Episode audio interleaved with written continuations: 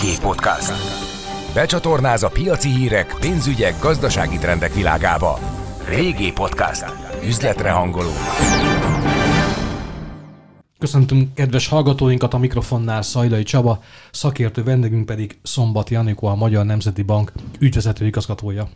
Jó napot kívánok! Köszönöm szépen, hogy elfogadta a meghívásunkat, és az előttünk álló percekben alapvetően a jegybank elvárásokról fogunk beszélni, már mint ami a digitalizáció terén érinti, érintheti a bankokat és a biztosítókat, továbbá a hazai fintek ökoszisztémáról is, hiszen azért két nagyvonalú stratégia van, egyik a hazai, másik pedig a jegybanki, és hát valószínűsíthető, hogy a kettő nagyjából egyébként párhuzamosan halad előre, de akkor visszatekintve a vagy visszaugorva pontosabban a felvezetőben elhangzott témakörre nézzük, hogy digitalizáció terén hol tartanak a magyarországi bankok, és hát a jegybank részéről milyen követelmények fogalmazódnak meg. Az MNB immár két éve készít egy nagyon átfogó kiadványt, a fintek és digitalizációs jelentését, amelyben egy nagyon részletes kérdőív alapján bemutatja, hogy hogy áll jelenleg a bankok és a, és a biztosítók digitalizációs szintje. Két éves visszatekintés alapján azt láthatjuk, hogy a pandémia jelentőset lökött ezen a digitalizáltsági szinten, de összességében én még mindig közepesnek értékelném ezt a teljesítményt, hiszen ahhoz, amit mi szeretnénk, vagyis hogy az ország minden területéről az alapvető pénzügyi szolgáltatások bárki számára elérhetők legyenek a hazai szolgáltatók részéről még nagyon sok tennivaló van. Akkor említsünk meg ezek közül egy párat. Mi az, amit tennek? Meg egyéb iránt is valószínűleg a kedves hallgatóinkat is foglalkoztatja, hogy melyek azok a bankok, amelyek egyébként már tudják, hogy egy bank elvárásokat így első csetintésre produkálni. Hát sajnos egyedi bank neveket nem említhetek, de azt gondolom, hogy hogy az országos hálózattal rendelkező bankok már jó néhány éve, éve felismerték, hogy a digitális csatornákon való jelenlét az nem csak egy extra, nem egy prémium szolgáltatás, hanem az a mindennapok követelménye. És a pandémia is bemutatta, hogy azok a bankok, akik már korábban is nagy hangsúlyt fejeztek, helyeztek arra, hogy távolról is elérhetők lennek a szolgáltatásai, nyertesen jöttek ki ebből az időszakból. Tehát, hogy veszem ki a szavaidból, akkor a nagykereskedelmi bankok azok, amelyek egyébként már nagyjából azokat a szinteket tudják produkálni, amelyek elvárhatóak egy bank részéről? Igen, illetve itt kiemelném például az azonnali fizetési rendszert és az arra épülő új szolgáltatásokat, mint például a fizetési kérelmet, vagy a QR kódos fizetési lehetőségeket, amelyek szintén egyre elterjedtebbek. Apropó, beszélünk az azonnali fizetési rendszerről, mennyire hozta a várakozásokat, és mennyire működik nagyon jól, vagy eh, egyéb iránt van-e leállás a szisztémában? Hát kezdeném ott, hogy egy nagyon hosszú előkészítő munka után talán a legjobb időpontban vált elérhetővé ez a megoldás, hiszen tavaly márciustól van lehetősége mindenkinek arra, hogy hogy a hét bármely napján, nap 24 órájában küldjön ö, átutalásokat olyan formában, hogy az, ö, az elvárás szerint 5 másodpercen belül megérkezzen, de a rendszer teljesítménye átlagosan két másodperc, tehát két másodperc alatt ott vannak a, az átutalások, és azt látjuk, hogy, ö, hogy nagyon ö, szeretik a, a fogyasztók ezt a ezt a megoldást. Ez hiszen... olajozottabban működik, mint hogy lehetett tervezni vele?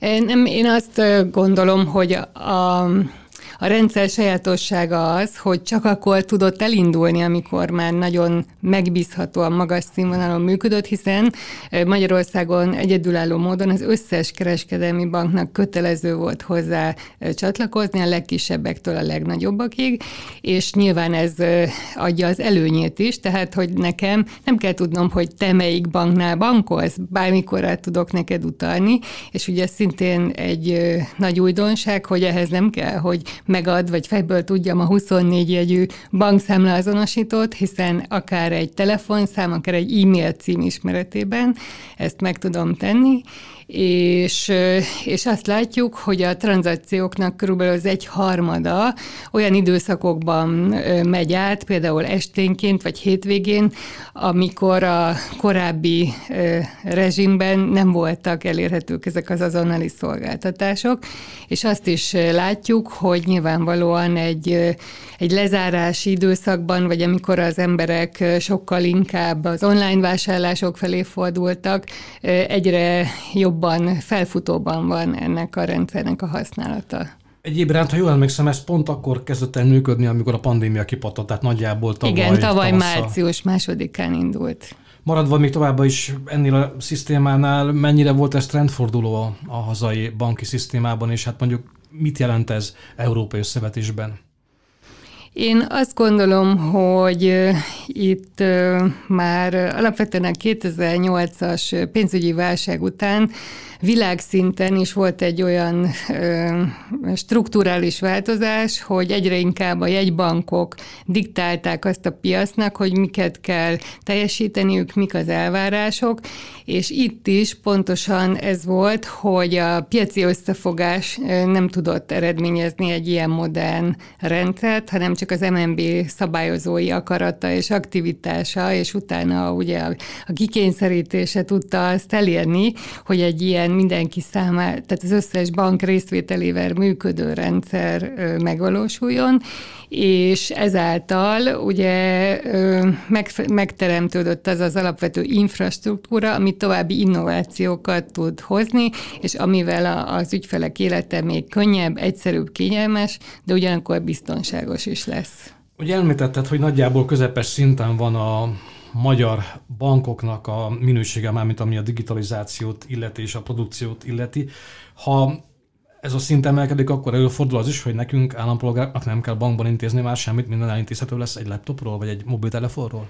Hát abszolút ez a célunk. Ugye nyilvánvalóan vannak olyan élethelyzetek, amikor azért a döntéshez nem állt a, a bankok szakértő támogatásait, gondolok például egy jelzálog hitel felvételére, ami nagyon komplex döntés, hosszú évtizedekre meghatározza egy család pénzügyi helyzetét, ráadásul szerencsére nagyon sokféle állami támogatás és kedvezményes konstrukció is elérhető.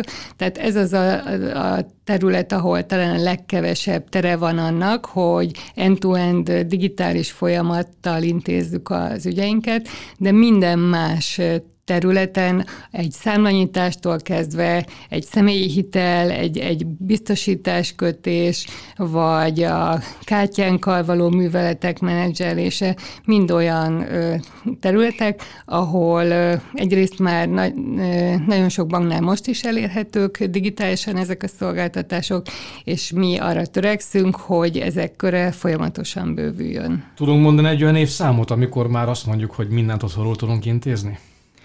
Én azt gondolom, hogy, hogy nekünk nagyon ambiciózus terveink vannak. Dolgozunk egy olyan stratégián, ami 2030-ig fekteti le azt, hogy mit várunk el a bankoktól, és, és nyilván attól is függ, hogy ki melyik banknál ügyfél, és milyen, milyen ügyletei vannak, de azt gondolom, hogy egy évtizeden belül nagyon sokat kell, hogy fejlődjön ez a terület. Biztosító tekintetében mi a helyzet? A biztosítók tekintetében érdekes módon még, ők még inkább előbb járnak digitalizáció szintjét tekintve, mint a bankok, és ahol mi még találtunk fejlesztendő területeket, az az ő belső működésük, hiszen nem elég az ügyfélfelületeket digitalizálni, ahhoz, hogy egy szervezet valóban hatékonyan, rugalmasan és a mi szempontunkból stabilan működjön, az is kell, hogy a belső kultúra, az irányítás és digitális szellemben történjen, illetve az adatbázisok, a kockázatkezelés és minden más terület területen is kihasználják a digitalizáció nyújtotta előnyöket. Említetted, hogy két éve fektettétek le a jegybanki stratégiát. Hát ebben a megközelítésben két év már so, sok időnek minősül. Van-e valami most, már mint ami a dokumentációt illeti, kiegészült esetleg friss publicisztikával, vagy pedig új ajánlásokkal? Igen, valóban 2019. októberében jelent meg a fintech stratégiánk, amely egy átfogó cselekvési programot is tartalmazott, és két évre szólt ez a, ez a, ez a 24 pont, és most zajlik a, a stratégiánk felülvizsgálata.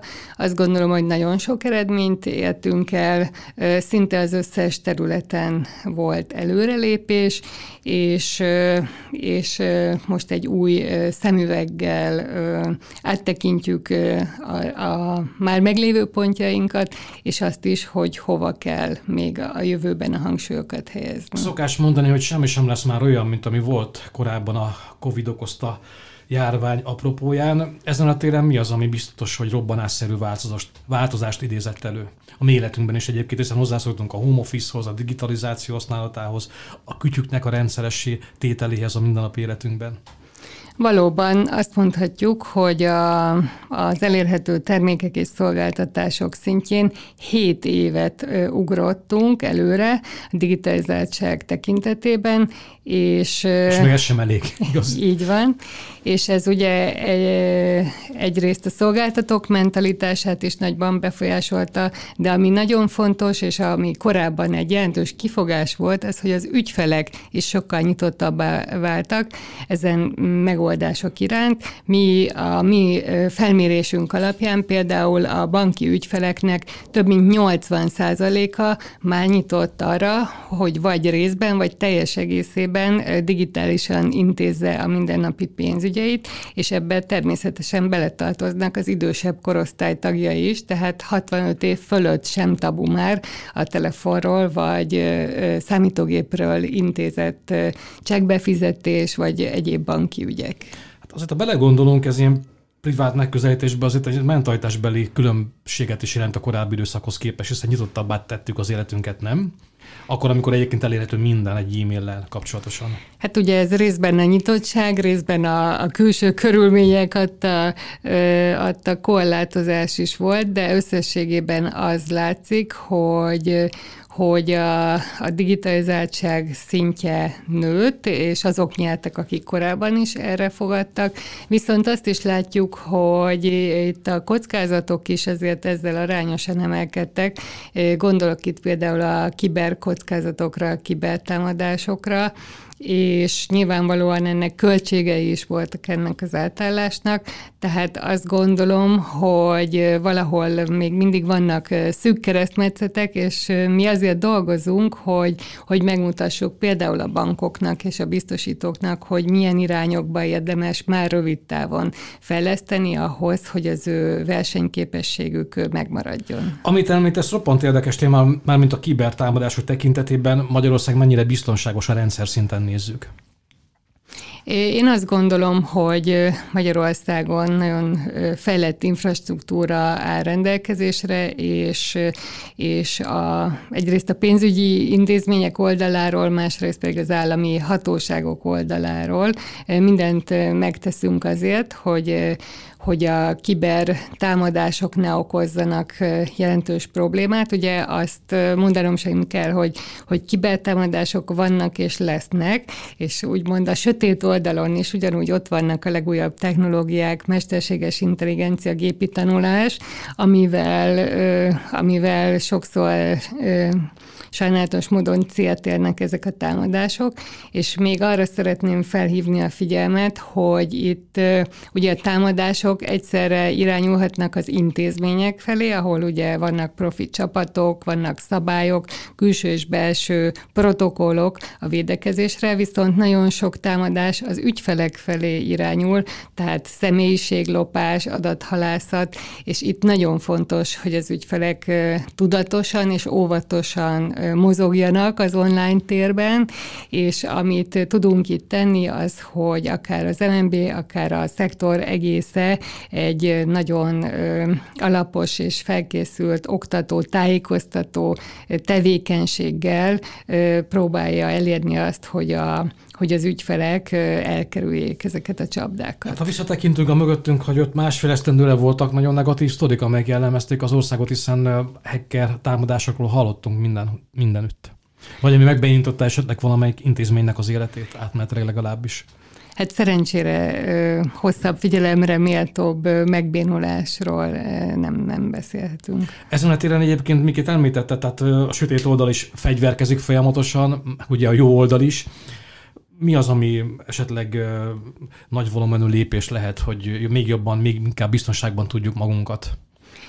A, amire most mindenki figyel, az az Európai Uniónak egy kezdeményezése, amely a, a az európai gazdasági térség egészében kíná, kívánja a, az ellenálló képességet és a, a a rezilienciát fokozni, és ebben itt vannak olyan területek, ahol mi már sokkal előbbre járunk, vannak a, olyan részek, ahol tudnak nekünk újat mondani, de az mindenképp egy nagy előny lesz, hogyha egységes elvárások mentén egy folyamatosan magas színvonalú ö, kiber ö, kiberbiztonsági tudatosság és figyelem alakul ki. Egyéb iránt, ha már említed az Európai Uniós összevetés, pontosabban ami várható, Magyar Nemzeti Bank hol tart a stratégiájával? Hát ott kezdeném, hogy a Magyar Nemzeti Bank már abban is újító volt, hogy egy dedikált területet hozott létre a, a digitalizáció és fintek fejlesztés támogatása érdekében. Tehát más egy bankok nem nagyon volt ilyen szektor? Így van. Tehát világviszonylatban, hogyha megnézzük, vannak olyan, olyan országok, mint például Szingapúr, vagy vagy Kanada, Kína, ahol, ahol külön figyelmet fordítanak erre, de, de általánosságban ez még nem elterjedt. És ugye, amit szintén fontos látni, hogy hogy a, akár a fintekes digitalizációs jelentésünk, akár a márciusban megjelent digitális transformációs ajánlásunk is nagyon egyedülálló, és mi nem találkoztunk még ezzel kapcsolatos hasonló munkával, és ezért például a, az olyan globális hitelminősítők, mint az S&P is kiemelte, hogy hogy Magyarországon a, az intézményeknek legalább olyan komoly elvárásokkal kell szembesülni digitalizációs téren, mint Szingapurban, Nagy-Britanniában vagy Izraelben. Egyébben csak ki kívánkozik belőle, megtámadták már egy bankot hackerek? Erről nem tudok beszélni. Jó, akkor nem provokálok, azonban egyébként az egy fontos terület, hogy hogyan illeszkedik egy banki stratégia a fintech stratégiához. Amit ami a magyarországi a hivatalos kormányzatot illeti. Igen, ez nagyon fontos, és szerencsére csak jó hírekről tudok beszámolni. Tehát kormányzati szinten a digitális jólét program az, akik összefogják a digitalizációval és fintek támogatással kapcsolatos stratégiai elképzeléseket, és az ő koordinálásukban készült el először a Magyarország egészére vonatkozó fintek stratégia szintén 2019-ben, aminek a létrehozásában mi is aktívan benne voltunk, és, és így egy szoros koordinációban tudott készülni a mi stratégiánk is, tehát ugye mi részben olyan szemüveggel is néztünk, hogy maga az MNB mit tud elérni ezen a téren, és ezért tudtunk sokkal specifikusabbak lenni ahhoz képest, ami a kormányzati stratégiában szerepel, ők egy általános víziót fektettek le. Egy bank is aktív része egyébként az európai bankrendszernek, és ugye több szövetségnek is tagja. Mi az, ami elővárás a Magyar Nemzeti Bank számára, hogyha mondjuk nézzük a Bázeli Egyezményt, vagy nézzük az Európai, Európai Központi Banki ajánlásokat? Mi azt látjuk, hogy, hogy Magyarország tulajdonképpen ideális ország olyan szempontból, hogy egy 10 milliós, nagyon fejlett infrastruktúrával rendelkező ország, ahol a, a lakosság is nyitott, és hát például az MNB is ugye törekszik arra, hogy a leginnovatívabb megoldásokat minél hamarabb behozza, kipróbálja, és ezáltal is példát mutasson és ezzel kapcsolatban nagyon sok pozitív visszajelzést kapunk, tehát például a, az MNB elsők között indította el a, a Regulatory Sandbox-át, illetve azt a nyitott platformját, ahol a pénzügyi innovátorokkal tud beszélgetni az Innovation Hubját, és ezzel kapcsolatban rendszeresen kapunk megkereséseket. Az első tapasztalatokról, a, a modus operandiról, hogy hogy kell ezt ezt a szervezetbe beágyazni ahhoz, hogy jól működjön, tehát ezek mindenképpen jó visszajelzések, és, és tehát ez nálunk egy nagyon erős szándék is, hogy az MNB az innovatív és a, az új irányok feltérképezésében élen járó jegybank legyen. Elég itt például a digitális jegybank pénz témájára gondolni. Említetted, hogy ajánlásokat fogalmaztok meg a bankok, biztosítók felé. Ezek az ajánlások egyébként mennyire monetáris hatósági előírások, mennyire kértek majd számon a bankokon ezeket? Ö, nagyon szerencsés helyzetben vagyunk, amiatt, mert az MNB egy integrált jegybank, ahol egy tető alatt van képletesen a jegybank és a felügyeleti terület. Tehát e, ebben a, az ajánlásnak a kidolgozásában, illetve a későbbi számonkérésében mi a felügyeleti területtel fogunk szorosan együttműködni, közösen nézzük át majd a bankok saját digitális transformációs stratégiáját, illetve évről évre nyomon követjük majd ezeknek az implementálását. Egyéb iránt ugye a beszélgetés elejét azon kezdtük, hogy pontosabban úgy fogalmaztál, hogy a COVID az felgyorsította a digitalizáció elterjedését a hazai pénzintézeti és biztosítói szektorban. Maradván még ugye ennél a témánál, hiszen most már mindenki negyedik hullámról beszél a következő időszakban, és hasonló boom várható mondjuk ezen a téren, tehát ez a konvergencia, ami bekövetkezett az elmúlt másfél évvel, tehát hasonló volumenben fog majd ez olyan, hogy látod? Igen, azt gondolom, hogy most már kezdünk egy nyelvet beszélni azzal kapcsolatban, hogy mennyire ambíciózusnak kell lenni a digitalizációs terveket illetően, és, és azt látjuk már most is, tehát 2019 és 20 között a bankok pont azokon a területeken fejlesztettek a termékeik elérhetőségében, a partnerekkel való kapcsolattartásban, ahol mi korábban azt láttuk, hogy nagy elmaradásban vannak, és, és ugye a mi ajánlásunk is arról szól, hogy legyen teljesen digitális számlacsomag, hogy legyen népszerűsítve a digitális ügyintézés, ehhez a bankok adjanak meg minden segítséget, ha kell, legyen chatbotjuk, legyen videóasszisztensük, legyenek részletes folyamatleírások, Q&A-k, illetve azt is szeretnénk, hogy nem csak, a, nem csak az online felületek, de például a fiókok maguk is digitálisabbak is legyenek, tehát ott is lehessen digitálisan ügyet intézni, lehessen időpontot foglalni adott esetben a digitális sorbanállás is meg legyen szervezve, hogy az ügyfelek tényleg csak annyit töltsenek ott, amennyit feltétlenül muszáj, viszont ha már ott vannak, akkor a teljes figyelem rájuk háruljon.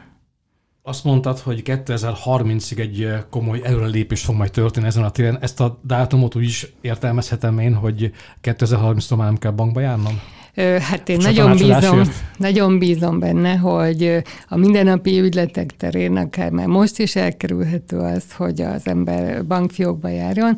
2030-ra mi azt várjuk, hogy egyrészt a, a az ügyintézési idők jelentősen lerövidüljenek, hogy a, a, az elérhetőségek úgymond táguljanak, tehát akár este nyolckor is lehessen egy hitelügyintézésben komoly előrehaladást elérni, illetve azt várjuk, hogy, hogy általán, általában a, a digitális fizetési megoldások elterjedjenek, hiszen azért azt meg kell jegyezni, hogy, hogy jelenleg még a fizetési ö, ö, forgalomnak körülbelül 78%-a készpénzben zajlik. Hát ez extrém. És, és ugye itt ö, itt itt szokás arra utalni, hogy a kintlevő készpénz mennyisége csak részben tranzakciós, részben pedig megtakarítási funkciókat szolgál, de mégis mi azt szeretnénk látni, hogy ez, a, ez az arány nagyon hamar 50 körül legyen. Hát ugye a pandémia idején volt az a mondás, amit visszajött az a angol mondás, hogy cash is king, ez lecsengőben van nálunk, vagy ez, az elmített arány azért elég durvának minősíthető. Igen, talán azt mondanám, hogy a pandémia kirobbanásakor, tehát tavaly március-áprilisban volt egy kisebb hullám, ahol az emberek igyekeztek maguknál készpénzt tudni, de amikor bebizonyosodott számukra, hogy minden elektronikus eszköz és csatorna működik a, a, az elvárásoknak megfelelően, akkor, akkor lecsengett ez, a, ez, a, ez az attitűd, és, és valószínűleg valószínűleg azért a, a bizonytalan élethelyzetre ö, válaszul mm, van még jelen ez a tartalékolási magatartás, de a, a, a mindennapi életben, vásárlásoknál, fizetéseknél nagyon is előre töltek ugye a, a kártyás vásárlások, illetve az átutalások.